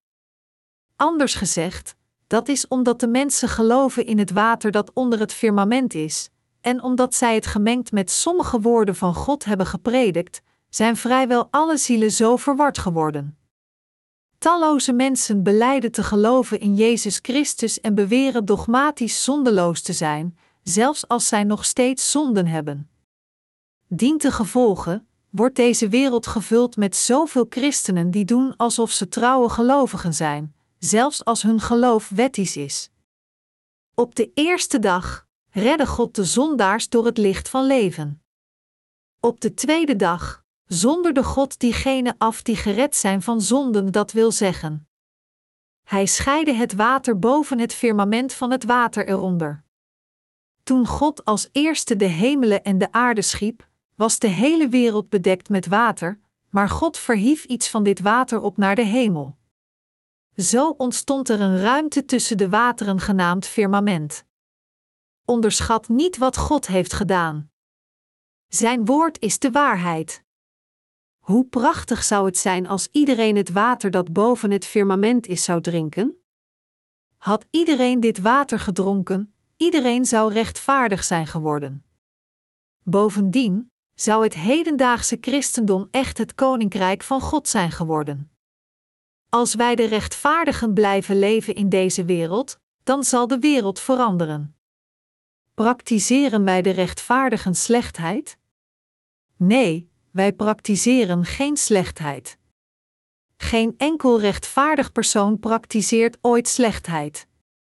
In tegenstelling, hoeveel slechtheid praktiseren de christenen die niet zijn wedergeboren terwijl ze leven op deze aarde? Zij praktiseren zoveel slechtheid dat zelfs de niet-christenen ziek en vermoeid van hen worden. Waarom is dit? Dat is omdat zij gefaald hebben het water dat boven het firmament is te drinken door geloof. Dat is omdat zij misleid zijn geworden door leugenaars en gemengd water hebben gedronken. De Bijbel maakt duidelijk dat diegenen die het water onder het firmament gemengd met het water erboven niet godsdienaren zijn. Iedereen die het water boven het firmament drinkt gemengd met het water eronder zal uiteindelijk sterven. Het is alleen door het water dat boven het firmament is dat God ons van de zonde van de wereld heeft gered. En Hij voedt ons door de regen van boven. Als iemand echt het eeuwige leven wil verkrijgen, dan moet hij het water dat boven het firmament is drinken. Als hij in plaats daarvan het water drinkt dat op de aarde is, zal hij uiteindelijk geestelijk vergaan. God heeft ons van onze zonde gered door het evangelie van het water en de geest, en het is in deze genade van zaligmaking dat wij nu leven. God heeft ons het eeuwige leven gegeven. Hij heeft ons de geestelijke zegeningen die behoren tot de hemel geschonken. Hij heeft ons tot zijn werkers gemaakt en hij heeft ons toevertrouwd met het ambt van de verzoening. 2 Korinthe 5 uur 18, zodat wij in staat zijn zijn werk te doen. Ik geef mijn dankbaarheid keer op keer aan God. We moeten zonder twijfel alleen het water dat boven het firmament is prediken, en we moeten duidelijk het water dat onder het firmament is veroordelen als de woorden van de duivel. We moeten allemaal onze levens leven door God te bedanken, alleen vertrouwend in het evangelie van het water en de geest. Sinds onze Heer de God is die naar ons toekwam met het evangelie van het water en de geest en ons redde, heeft iedereen die in hem gelooft al het geschenk van zaligmaking ontvangen. Als zodanig moeten we altijd dit woord in onze harten koesteren, en we moeten leven met de ware wil van de Heer. Laten we nu allemaal correct leven door ons geloof in het evangelie van het water en de geest te plaatsen. Toen deze planeet bedekt was met water, scheidde God het water in twee verschillende delen. Dus het water boven het firmament is anders dan het water eronder. Dit geeft aan dat onder de woorden gepredikt door de mensen het woord van God is, maar ook de woorden van Satan zijn. Anders gezegd, God spreekt tegen ons met het ware woord van het water en de geest, terwijl Satan alleen maar liegt. Het is noodzakelijk voor ons te weten hoe te onderscheiden wat Gods woord is en dat wat niet van God is gepredikt door de mensen. En dat maakt scheiding tussen wateren en wateren. In de Bijbel verwijst water naar het woord van God. Het geestelijke woord van God komt van boven. En Gods woord komt van het geschreven woord uit de geschriften. In tegenstelling, het water op de aarde vloeit uit de vleeselijke harten van de mensen. Het fundamentele begin van de woorden van de aarde ligt in de hebzucht van het vlees vloeiend uit het menselijke hart. De Bijbel zegt dat de woorden die voortkomen uit de harten van de mensen de woorden van Satan zijn, terwijl het woord dat over de lippen van God kwam het water in de hemel is. Daarom bestaan op deze aarde beide de woorden van de valse profeten en de woorden van de ware profeten. Dit is de implicatie van Gods scheiding van het water boven het firmament van het water eronder. Ook in het tijdperk van het Oude Testament voorspelden valse profeten leugens vanuit hun eigen harten, Ezekiel 13, 2. De woorden van Satan kunnen in de harten van de mensen werken door slechtheid en leugens. Als we kijken naar diegenen die gebruikt worden door Satan als zijn instrumenten, dan zien we ze hoe zij liegen volgens hun eigen wellustige verlangens in hun harten. Zij beschouwen de Heilige Geest alsof hij een object is, en dus vertellen zij leugens, hun aanhangers bevelend het vuur van de Heilige Geest te ontvangen, of net zo een onzin uit hun harten te laten opkomen. Als we zorgvuldig luisteren naar wat zij zeggen, dan gaat het over datgene wat er uit hun harten komt. Het is zo smerig en bedrieglijk dat we er bijna niet naar kunnen luisteren.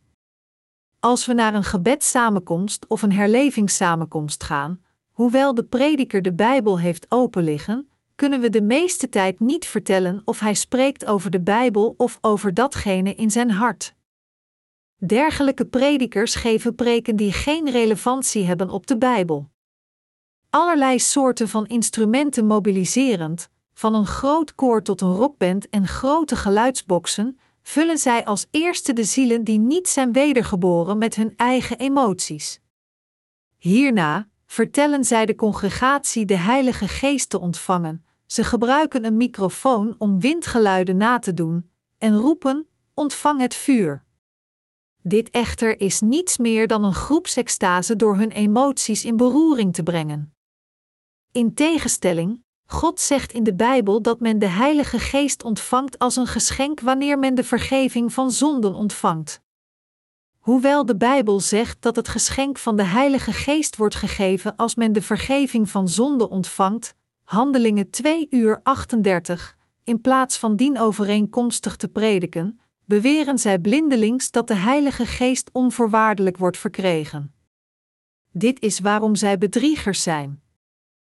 Veel mensen geloven dat zij de Heilige Geest kunnen ontvangen door er gewoon om te vragen, zonder te letten op de ontvangst van de vergeving van zonden.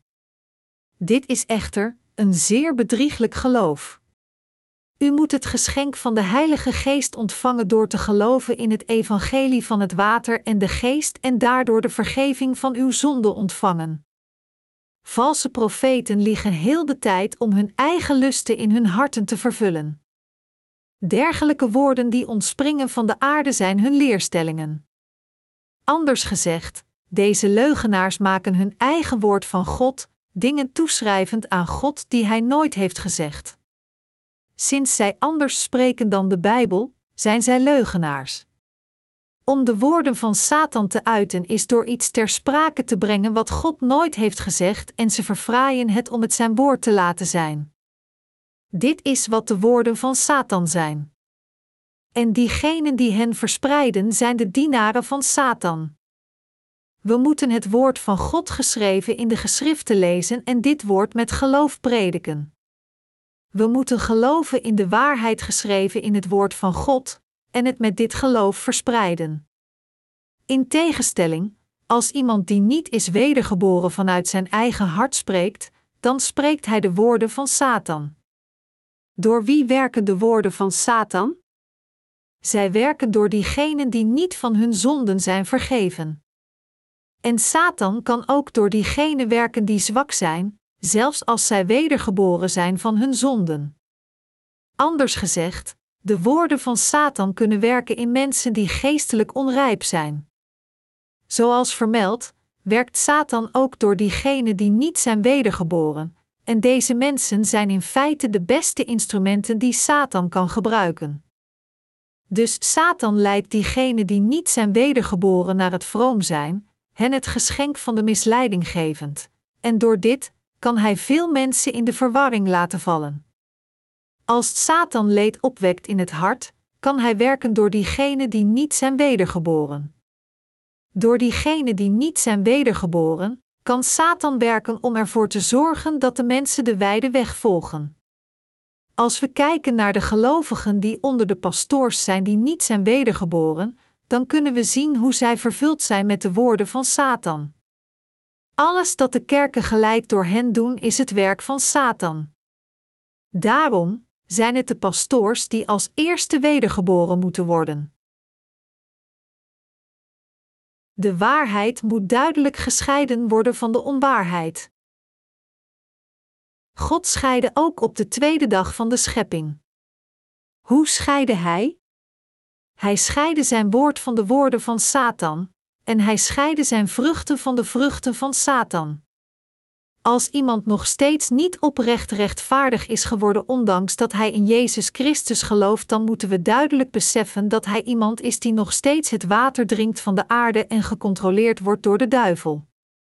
Als iemand een zondaar blijft zelfs nadat voor meer dan 50 jaar in Jezus Christus gelooft, dan is dit omdat hij gelooft in de woorden van de duivel. Maar diegenen die rechtvaardig zijn geworden door te geloven in Jezus Christus en de vergeving van zonde in hun harten hebben ontvangen, en die leven volgens het woord nadat zij gingen geloven in Jezus Christus, zijn diegenen die het water dat boven het firmament is drinken. Deze twee soorten van mensen moeten duidelijk van elkaar gescheiden worden. Er moet duidelijk onderscheiden worden of men een zondaar is of een rechtvaardig persoon, of het naar de hel gaat of naar de hemel, en of hij het kind van God is of van de duivel. De rechtvaardigen zullen het koninkrijk van de hemel binnengaan, maar zondaars zullen in de hel worden gegooid. God scheidde alle menselijke wezens in twee verschillende groepen. Hij heeft dit duidelijk gedaan. Maar ondanks dat God dit duidelijk heeft gedaan, misleiden veel mensen nog steeds hun eigen geweten.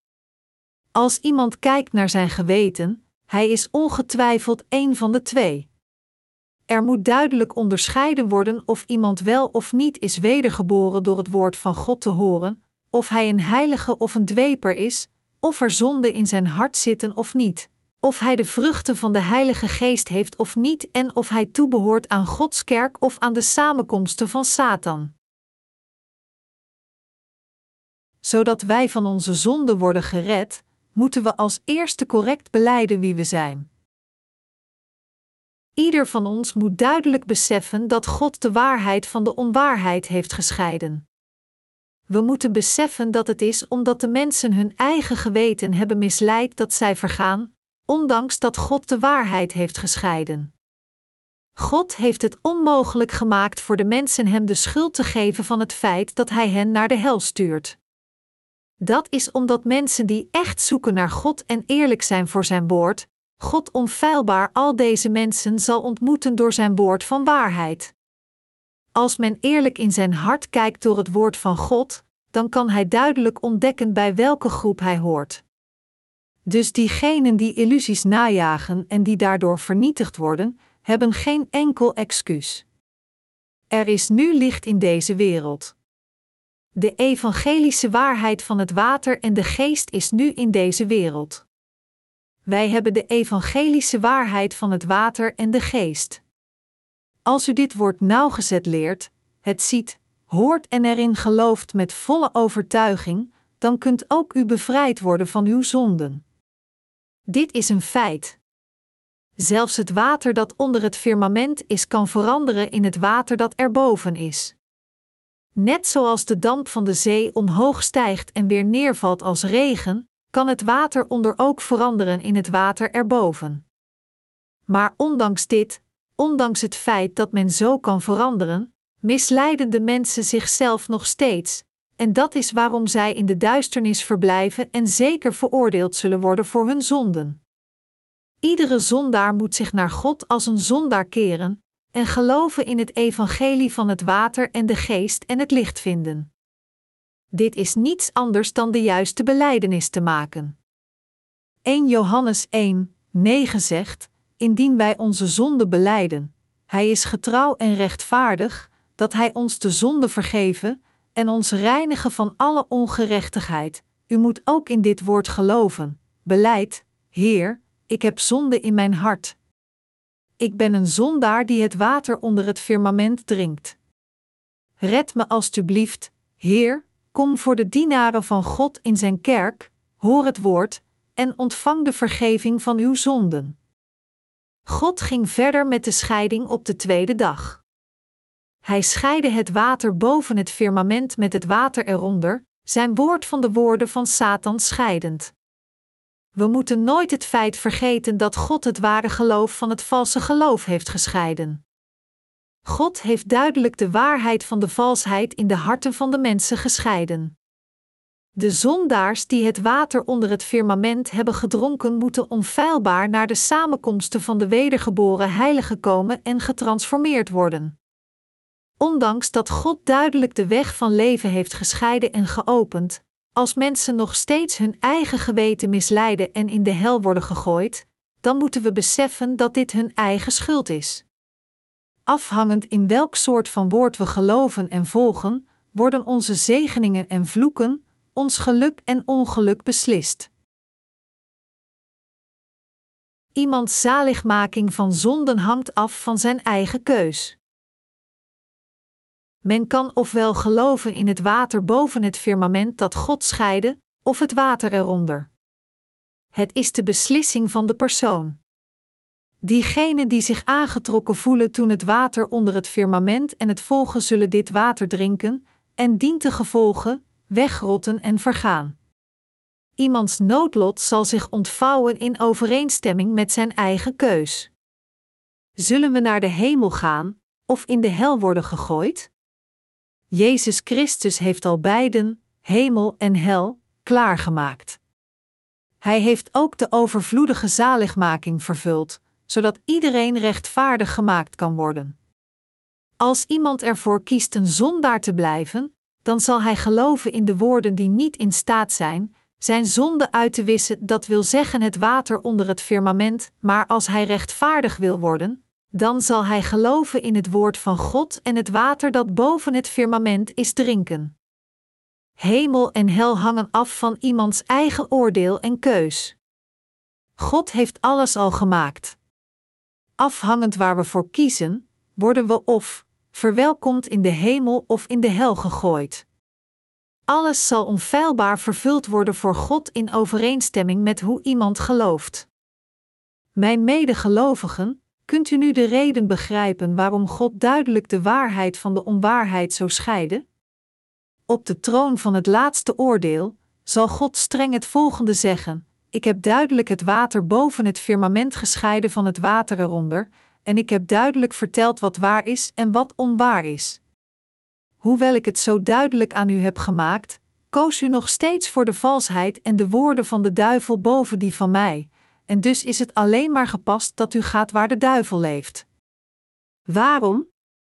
Omdat u niet mijn mensen bent.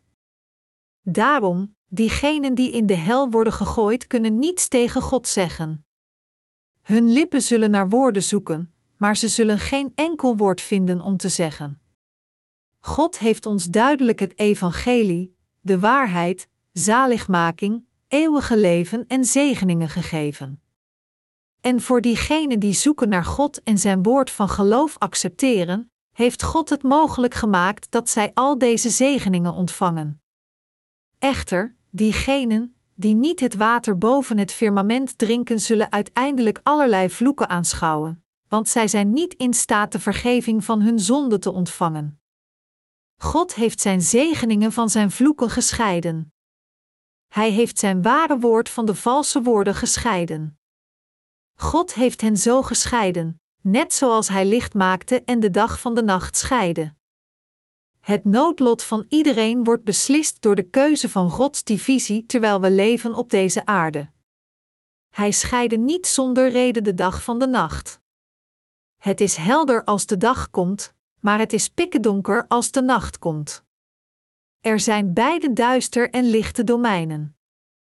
Anders gezegd, er zijn feitelijk beiden het domein van de rechtvaardigen en het domein van de zondaars. Omdat God de scheiding zo duidelijk heeft gemaakt, als iemand naar de hemel wil gaan, hoeft hij alleen duidelijk te geloven in het licht, en als hij naar de hel wil gaan, dan hoeft hij alleen maar te geloven in de duisternis. Ongeacht hoe bekwaam en machtig iemand ook is, hij kan de dag niet in de nacht veranderen en de nacht in de dag. De mensheid kan niet in de war gooien wat God heeft gescheiden, en niemand kan veranderen wat God heeft gedaan. Als iemands geweten oprecht is, dan heeft hij geen andere keus dan te geloven in dat wat God heeft gescheiden. Als men kijkt naar het licht en het accepteert, dan zal hij het woord van God komend van boven accepteren en het eeuwige leven ontvangen. Het water dat onder het firmament is, dat wil zeggen de woorden van de aarde, bevorderen de handelingen van de mensheid. U moet zich duidelijk herinneren dat het niets meer dan de woorden van Satan zijn die zeggen dat men rechtvaardig wordt door zijn eigen vleeselijke toewijding en pogingen, door een heilig leven te leven, anders gezegd, door de wet te houden en geheiligd te worden. Om rechtvaardig te worden door te beseffen in onze harten hoe het woord van God onze zonden heeft uitgewist, en door erin te geloven en het te accepteren precies zoals het is, heeft niets te maken met de handelingen van de mensheid. Gods woord van waarheid dat van boven neerdaalt, is de zaligmaking die God zelf heeft volbracht. Het evangelie van waarheid eist niet dat onze menselijke daden de zaligmaking vergroot. Het woord van God daalt neer van boven, draagt zonder twijfel vruchten op deze aarde en stijgt weer opnieuw naar boven. Als u gelooft in het woord van God, het water dat boven het firmament is, dan zult u uw geluk vinden. Maar als u gelooft in het water dat onder het firmament is, zult u vervloekt worden. En u zult ongelooflijk leed ervaren alleen om te worden vervloekt. Het leed van diegenen die gebonden zijn aan het wettische leven van geloof is verre van gewoon. Het is zo tragisch hen te zien, zoveel leed door het drinken van het water dat onder het firmament is. Diegenen, die eenmaal het water boven het firmament hebben gedronken, kunnen niet langer het water dat eronder is drinken. Diegenen, die alleen het water onder het firmament hebben gedronken, kunnen niet het water dat erboven is drinken. Dat is waarom zij nu moeten terugkeren. De dienaren van God waar God blij mee is. Op de tweede dag scheidde God het water dat de aarde bedekte in twee, een helft boven het firmament opheffend en de andere helft op de aarde achterlatend. En God noemde hen apart, het water boven het firmament en het water op de aarde. Waarom liet God dit woord opschrijven? Liet Hij dit schrijven om ons gewoon een feit te laten weten? Nee, God schreef dit om ons te vertellen dat er beiden bestaan Gods woord en de woorden van Satan. Dit is wat God deed op de tweede dag. Wij zagen het woord dat zegt dat God het licht van de duisternis scheidde op de eerste dag, en dat Hij ook het water van de hemel van het water op de aarde scheidde op de tweede dag. God is duidelijk blij om het water van de hemel van het water op aarde te scheiden, en het licht van de duisternis. Wat is dan het water van de hemel, en wat is het water van de aarde? Op deze aarde zijn twee soorten van mensen die het woord van God prediken. De ene soort zijn diegenen die feitelijk de woorden van Satan verspreiden, en het andere soort van mensen zijn diegenen die het ware woord van God prediken. De laatste groep kent Gods geschreven woord, geloven erin en prediken het, maar de eerste groep interpreteert het geschreven woord van God gebaseerd op hun eigen mensgemaakte gedachten, alleen predikend wat Satan en de mensen verheugt. Dergelijke mensen interpreteren de Bijbel alsof het een ethische leidraad voor de mensheid is, en zij prediken dat als iemand in Jezus Christus gelooft, hij deugdzaam moet leven. Echter, zij kennen de ware boodschap van het woord van God niet. Dat is waarom zij niet in staat zijn het evangelie van het water en de geest te prediken. Kortom, diegenen die nu niet het evangelie van het water en het bloed prediken, zijn diegenen die de woorden van Satan prediken. Zij zijn diegenen die het woord van God alleen op een humanistische, ethische en morele dimensie prediken. Zij zijn niet Gods dienaren. Zij zijn niemand anders dan de dienaren van Satan. Zij zijn niets meer dan loontrekkers die het woord van Jezus Christus prediken als een beroep, net zoals anderen werken om de kost te verdienen. Als iemand zijn leven van geloof onder dergelijke mensen leeft, zal zijn geestelijk geloof niet groeien, integendeel, hij zal uiteindelijk sterven. Als we water op deze aarde drinken, dan is het ene water heilzaam voor ons, terwijl andere soorten van water alleen maar schadelijk zijn om te drinken. Net zo is het zeer belangrijk voor onze ziel naar welk soort van woorden we luisteren. U kunt alleen in beiden uw lichaam en ziel gezegend worden als u luistert naar het woord gepredikt door diegenen die het evangelie van het water en de geest prediken. Als een prediker het woord van God opent, maar in plaats daarvan alleen de humanistische, ethische en morele lessen benadrukt, hoewel dergelijke preken goed klinken, is het onmogelijk dat er een geestelijke verandering plaatsvindt. Integendeel, diegenen die dergelijke leerstellingen horen, zullen zien dat hun zielen de geestelijke dood aanschouwen. Dit soort van woorden zorgt er alleen voor dat de harten van de christenen in nog meer leed vervallen. Het ware woord van het water en de geest brengt in tegenstelling vrede en rust naar diegenen die er naar luisteren. Daarom, als we het woord van God horen, dan is niet de kennis van de prediker, verschijning of stem die belangrijk is, maar wat echt belangrijk is, is of deze prediker echt gelooft in het evangelie van het water en de geest en het correct verspreidt. Het evangelie van het water en de geest is onontbeerlijk. In Matthäus 7 uur 15 zegt Jezus: Maar wacht u van de valse profeten, de welke in schaapsklederen tot u komen, maar van binnen zijn zij grijpende wolven. Hoe kunnen we deze valse profeten herkennen? Jezus Christus zei dat we dit kunnen ontdekken door naar hun geestelijke vruchten te kijken. Kan een appelboom bananen dragen?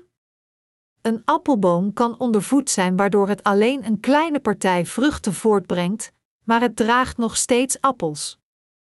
Maar we moeten beseffen dat een doornstruik nooit appels kan voortbrengen, ongeacht hoe goed hij ook verzorgd wordt. Anders gezegd, als iemand het woord predikt, en diegenen die zijn woorden horen wedergeboren worden, dan is deze persoon een dienaar van God.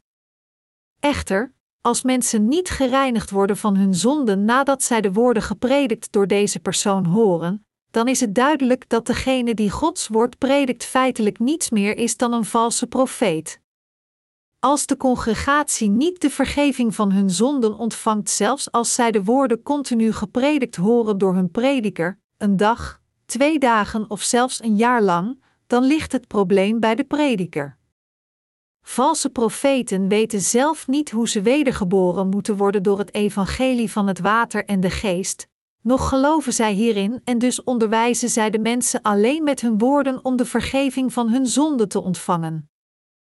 We kunnen niet zeggen of iemand een valse profeet is of niet door naar zijn uiterlijk te kijken. Als we denken aan valse profeten, dan neigen we te denken dat hun verschijning grof, genadeloos en afstotend is, maar dit is niet het geval. Leugenaars manifesteren zich met veel meer nederigheid, zoals een makschaap. Verwijzend naar hen, zegt de Bijbel, en het is geen wonder, want de Satan zelf verandert zich in een engel des lichts. 2 Korinthe 11 uur 14. Dat is waarom zoveel mensen door hen worden misleid. Een prediker die predikt zonder zelf wedergeboren te zijn, is een valse profeet. Zo zijn de valse profeten waar de Bijbel over spreekt. De verschijning die onze ogen zien, is, heeft geen betrekking op de waarheid. Dus zelfs als sommige mensen ons persoonlijk aanvallen, zijn wij in orde, zolang als we geloven in het geschreven woord van Jezus Christus. Valse profeten leiden talloze mensen naar de vernietiging. Zij gaan niet alleen naar de hel, maar ze nemen anderen met zich mee. Dit is omdat dit hun werk als leugenaars is. Valse profeten zijn zeer goed in hun werk om mensen te misleiden, en dus wat betreft het verdienen van de kost voor de rest van hun levens, hebben zij niets om zich zorgen over te maken. Hun congregatie, naïef en compleet onwetend, respecteren hen als pastoors, hen offers gevend en hen dienend. Dus de leugenaars leven in een prachtige villa, rijden rond in een luxe auto en leven een buitensporig leven, dit alles met het geld geofferd door de congregatie. Dat is waarom we moeten oppassen voor de valse profeten. Echter, eerder dan hen te bekritiseren, het enige wat we moeten doen is nooit meer naar hun samenkomsten gaan.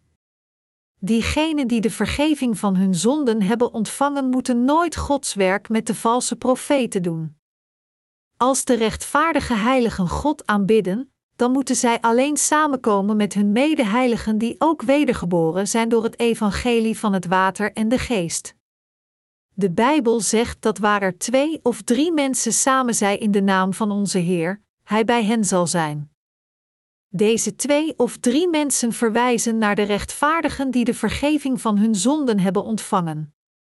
De rechtvaardigen moeten alleen samenkomen met hun mede-rechtvaardige mensen, luisteren naar het woord en samen leren en God eren en Hem met geloof volgen, het zal hun dan allemaal goed gaan.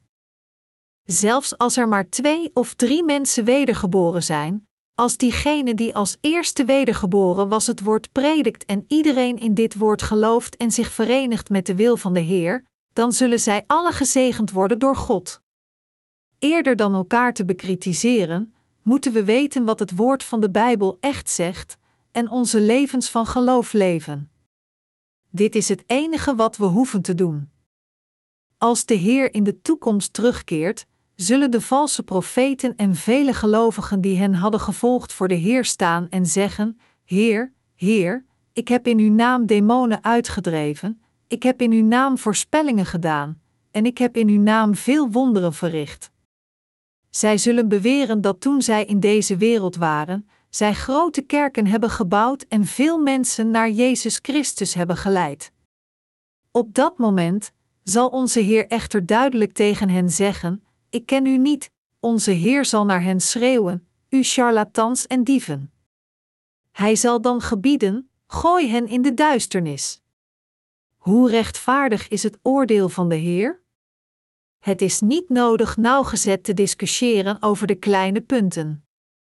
Hij zal alleen diegenen naar de hel sturen die gebonden zijn naar de hel te gaan, en diegenen naar de hemel sturen die de vergeving van zonden hebben ontvangen door in het doopsel van Jezus Christus en zijn bloed aan het kruis. Jezus Christus, die rechtvaardig oordeelt, is het hoofd van de rechtspraak in de hemel. Op de eerste dag van zijn schepping van de hemelen en de aarde sprak onze Heer erover hoe de mensen de vergeving van zonden moeten ontvangen door het evangelie van het water en de geest. En op de tweede dag vertelde hij diegenen die de vergeving van hun zonden hebben ontvangen op te passen voor de woorden van Satan. Hij vertelde de rechtvaardigen nooit het water te drinken dat aangeboden wordt door Satan, maar in plaats daarvan gevoed te worden door Gods woord van waarheid. Mijn medegelovigen, als we het woord van God interpreteren, dan moeten we dit interpreteren volgens het evangelie van het water en de geest en erin geloven. En diegenen die het woord van God prediken, moeten de evangelische waarheid van het water en de geest prediken. Diegenen die het woord horen, moeten zich voeden en leven met het woord, dat voortkomt uit de dienaren van God. In de geschrifte passage van vandaag is de geestelijke betekenis van het water dat onder het firmament is, dat wil zeggen, het water op de aarde, de woorden van de valse profeten. Dat is waarom de Bijbel ons vertelt nog naar hen te luisteren, nog van hen te voeden. Zelfs onder diegenen die het evangelie van het water en de geest hebben gehoord en de vergeving van hun zonden hebben ontvangen, zijn er te veel mensen wiens geestelijk geloof zo onrijp is dat zij niet in staat zijn de leerstellingen van de valse profeten te onderscheiden, hen accepteren en dien te gevolgen, een geestelijke dood sterven. Als we het woord van God horen, dan zijn er bepaalde dingen waar we geestelijk voor op moeten letten. Als eerste moeten we onderzoeken of diegenen die Gods woord tegen ons prediken het evangelie van het water en de geest kennen, het woord van God, erin geloven en het prediken. Gods dienaren moeten absoluut diegenen zijn die wedergeboren zijn door te geloven in het evangelie van het water en de geest. Dit is zodat iedereen gaat geloven in het evangelie van het water en de geest. We moeten allemaal in de dienaren van God vertrouwen en hen volgen zolang als zij oprecht in het evangelie van het water en de geest geloven. We moeten de waarschuwingen en advies van diegenen accepteren die de wil van God gehoorzamen. Anders gezegd, wat zij zeggen is Gods woord. Dat is omdat God tegen zijn dienaren spreekt door zijn dienaren. En ander ding wat we ons ook moeten beseffen is dat het zelfs voor de dienaren van God mogelijk is ontoereikendheden en zwakheden in het vlees te hebben. Als de dienaren van God geloven in het evangelie van het water en de geest en het prediken, dan moeten zij hun vleeselijke ego's erkennen en accepteren zoals ze zijn. Bijvoorbeeld, als een dienaar van God lelijk is, dan moeten we niet denken: Gods dienaren moeten mooi zijn. Waarom is hij dan zo lelijk? We moeten in plaats daarvan God voor hem bedanken, zeggend: God heeft iemand zoals hem laten verrijzen en gebruikt hem als zijn dienaar. Anders gezegd, we moeten de dienaren van God die het heilige evangelie prediken niet beoordelen op hun uiterlijke verschijning. Nog moeten we een punt maken over hun academische achtergrond of leeftijd. Wat duidelijk moet zijn is of hun harten wel of niet het woord van God koesteren, of zij zijn wil kennen en het volgen met geloof. Boven al het anderen moeten de dienaren van God geloven in het woord van God. Wat we moeten koesteren en respecteren is het geloof van de dienaren van God. We moeten zien en navolgen hoeveel zij het evangelie van het water en de geest koesteren, hoe dankbaar zij God zijn, hoeveel zij hebben geofferd voor het evangelie, hoe hard zij constant werken voor de verspreiding van het evangelie, hoeveel zij van de zielen houden en hoe zij hun harten hebben toegewijd voor hun zaligmaking. We moeten diegenen respecteren die als eerste godsdienaren zijn geworden, en we moeten hen met geloof volgen. Alleen dan kan God van ons houden. God werkt met een geestelijke orde. Dat is omdat God niet een God van verwarring is, maar Hij de God van orde is. Hebt u nu geloof in het evangelie van het water en de geest? Kunt u vol vertrouwen zeggen dat u wedergeboren bent door het woord van waarheid, door te geloven in het evangelie van het water en de geest? Zo ja, dan bent u werkelijk wedergeboren door te geloven in het evangelie van het water en de geest. Als iemand u vraagt of u zonden hebt, dan kunt u hem duidelijk antwoorden: daar u nu gelooft in het evangelie van het water en de geest. U kunt nu getuigen dat u bevrijd bent van al uw zonden en wedergeboren bent door het evangelische woord van het water en de geest. Als dit is wie u bent, dan bent u Gods mensen gehouden en gebruikt door God als zijn instrumenten. Nu, er is een ding dat u heel duidelijk moet weten.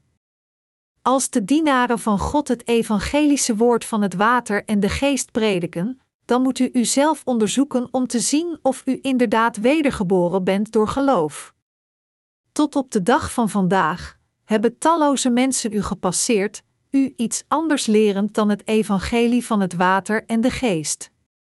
Maar als de dienaren van God het evangelie van het water en de geest prediken, het woord van God, dan moet u alle nadenken over uzelf en onderzoeken of u wel of niet de vergeving van zonden hebt ontvangen door geloof. We moeten allemaal duidelijk de evangelische waarheid van het water en de geest kennen. En we moeten erin geloven. Van nu af aan moet u uw levens van geloof leven door de woorden te accepteren, het advies en waarschuwingen van deze dienaren van God die het levende woord van leven aan u hebben gepredikt.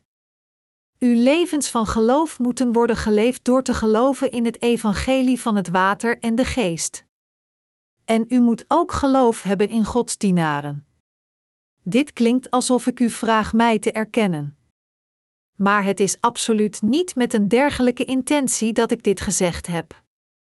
Het enige dat ik gedaan heb is u het evangelische woord van het water en de geest te prediken om de wil van God te vervullen. Dus terwijl er van tevoren zonden in uw harten waren, nu dat u het evangelie van het water en de geest hebt gehoord, bent u gaan beseffen: O, Jezus Christus nam mijn zonde weg door te worden gedoopt door Johannes de Doper. U bent nu tot het geloof gekomen dat uw zonden werden uitgewist door Gods geschreven evangelie van het water en de geest. Nu, afhangend van het feit hoe u zich gedraagt, kunt u of God verblijden of hem verdriet doen. Net zoals het licht en de duisternis zijn gescheiden, zoals het water van de hemel en het water van de aarde duidelijk gescheiden zijn, zo moet uw geloof in het evangelie van het water en de geest geschieden worden van uw oude geloof. Dus, uw oude geloof moet gescheiden worden van uw nieuwe geloof. Nu moet u zelf oordelen: ben ik nu een zondaar, of ben ik een rechtvaardig persoon geworden door te geloven in het evangelie van het water en de geest? Of u rechtvaardige mensen of zondaars bent voor God hangt af van het feit of u gelooft in het evangelie van het water en de geest of niet. Gelooft u in het evangelie van het water en de geest? Zo ja, bent u dan rechtvaardig of een zondaar? U bent een rechtvaardig persoon. Onze Heer heeft u gered door het evangelie van het water en de geest. Dus, u bent gered door in deze waarheid te geloven. Als dit het geval is, dan blijft er nog een ding over om te doen, en dat is een keus te maken of u leeft als de dienaren van God of als de dienaren van Satan, deze twee in uw hart scheidend. Om het evangelie van het water en de geest aan anderen te prediken is de weg om als een dienaar van God te leven. U moet ook zo leven. Dit wordt beslist door het woord waarin u gelooft. Het is door te geloven in het evangelie van het water en de geest met onze harten dat wij de vergeving van onze zonden hebben ontvangen. Zodat wij onze levens van geloof naderhand kunnen verder zetten en ook om de Heer te dienen, beiden zijn mogelijk door ons geloof in het evangelie van het water en de geest. De basis van ons geloof is niets anders dan het evangelie van het water en de geest. Door niet langer het water te drinken dat onder het firmament is, dan is het alleen maar correct van diegenen die de vergeving van hun zonden hebben ontvangen, samen te komen met hun medeheiligen om te aanbidden. Ons geloof moet worden begeleid door acties.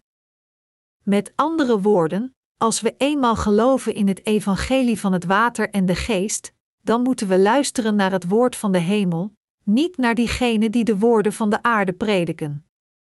Als u zich na te zijn gaan geloven in het evangelie van het water en de geest, weer opnieuw onderwerpt aan diegenen die niet zijn wedergeboren, luistert naar de woorden die door hen gepredikt worden, en te vergeefs aanbidt, dan zult u vallen en terugkeren naar de dienaren van de duivel.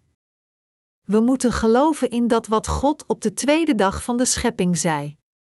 We moeten geloven in dat wat God op de tweede dag deed en het volgen. Dat is omdat dat wat de Heer deed op de eerste dag, dat wil zeggen ons door het evangelie van het water en de geest te redden, al voor ons was vervuld. En nu moeten we leven door te vertrouwen op het pure woord van God. Als u gelooft in datgene wat God deed op de tweede dag en het volgt, dan zal Hij u overvloedig zegenen. Of u wel of niet gezegend wordt door God wordt bepaald of u wel of niet de wil van God volgt. Alleen als we het woord dat de Heer sprak op de tweede dag volgen, kunnen we onze levens van geloof correct leiden. Ik weet dat u verstandig bent. Het woord van de waarheid gehoord te hebben, vraagt u zich nu waarschijnlijk af hoe u uw levens van geloof moet leven. Er is nu iets dat de gelovigen in het evangelie van het water en de geest moeten doen. Als we de vergeving van onze zonden ontvangen, moeten we de dienaren van God volgen. Voordat u was wedergeboren, luisterde u naar de leugenaars die het water van de aarde predikten. Maar dit is niet wat u wilde. Het is omdat u de waarheid niet kende. Voordat u werd wedergeboren, had u geen andere keus dan te luisteren naar de woorden van diegenen die niet waren wedergeboren. Echter, nu dat u gelooft in het evangelie van het water en de geest, moet u kiezen voor de rechtvaardigheid van God. Welke woorden moeten we kiezen? Wie zijn de ware dienaren van God die zijn woord prediken? Het is uw beslissing dergelijke vragen te beantwoorden. Dit is wat u moet doen. Niemand anders kan dit voor u doen. Het is waar dat de ware dienaren van God u kunnen aanmoedigen. Maar ieder van ons moet het verlangen hebben te leven volgens de wil van God. Als dit de wil van God is, dan hebben we geen keus. Er is niets dat we zelf moeten doen. Anders gezegd, we kunnen niet doen wat we verlangen. Nu dat we de wil van God kennen, is het onze plicht deze wil te gehoorzamen. Nu moet u uw leven van geloof vernieuwen. U moet een leven van geloof leiden dat op een ander niveau ligt dan wat u tot nu toe hebt geleid. Er is een leven van geloof dat beter is dan datgene dat u tot nu toe geleid hebt. Om een dergelijk leven van geloof te leven, moet u geleid worden. Waarom? Omdat dit de weg is om gezegend te worden door God. Mijn medegelovigen, wilt u geleid worden? Dan moeten er Gods dienaren zijn die zijn woord aan u prediken. Ik hoop en verlang ernaar dat dergelijke werkers die het woord van God prediken bij u verrijzen. De dienaren van God te worden is niet iets dat gewoon opeens vanzelf gebeurt. Om een prediker van het woord te worden, moet u voortdurend luisteren en leren van de woorden van diegenen die voor u de dienaren van God werden, die het evangelische woord van het water en de geest aan u hebben gepredikt. Ik heb het woord van God aan u gepredikt, maar was er iets dat u niet kon begrijpen? Wij hebben het evangelie van het water en de geest correct gehoord. Velen van ons hebben dit woord voor de eerste keer gehoord, maar sprak het u aan? Was het moeilijk te begrijpen? Er zijn talloze mysteries verstopt in de Bijbel, niet alleen het evangelie van waarheid dat ons in staat stelt de vergeving van zonde te ontvangen, maar mysteries over Gods kerk, zijn dienaren en het geestelijk correcte leven van geloof. Echter, tot op de dag van vandaag hebben velen van u zich gevoed met het onkruid en niet met het geestelijk graan van het woord. Het is mijn plan ijverig mijn preken samen te voegen en te publiceren, waarin ik het woord van God uitleg en hen aan u beschikbaar stel. Ik zal doorgaan u met het water dat boven het firmament is te voorzien. Is het woord van vandaag gehoord als het levende woord van God? Zo ja, dan is dit omdat u gelooft in het evangelie van het water en de geest. En het is omdat ik geloof in het levende evangelische woord van het water en de geest, en ik heb het precies gepredikt zoals het is. Wij geven ons dank aan de Heer die ons het water boven het firmament heeft gegeven.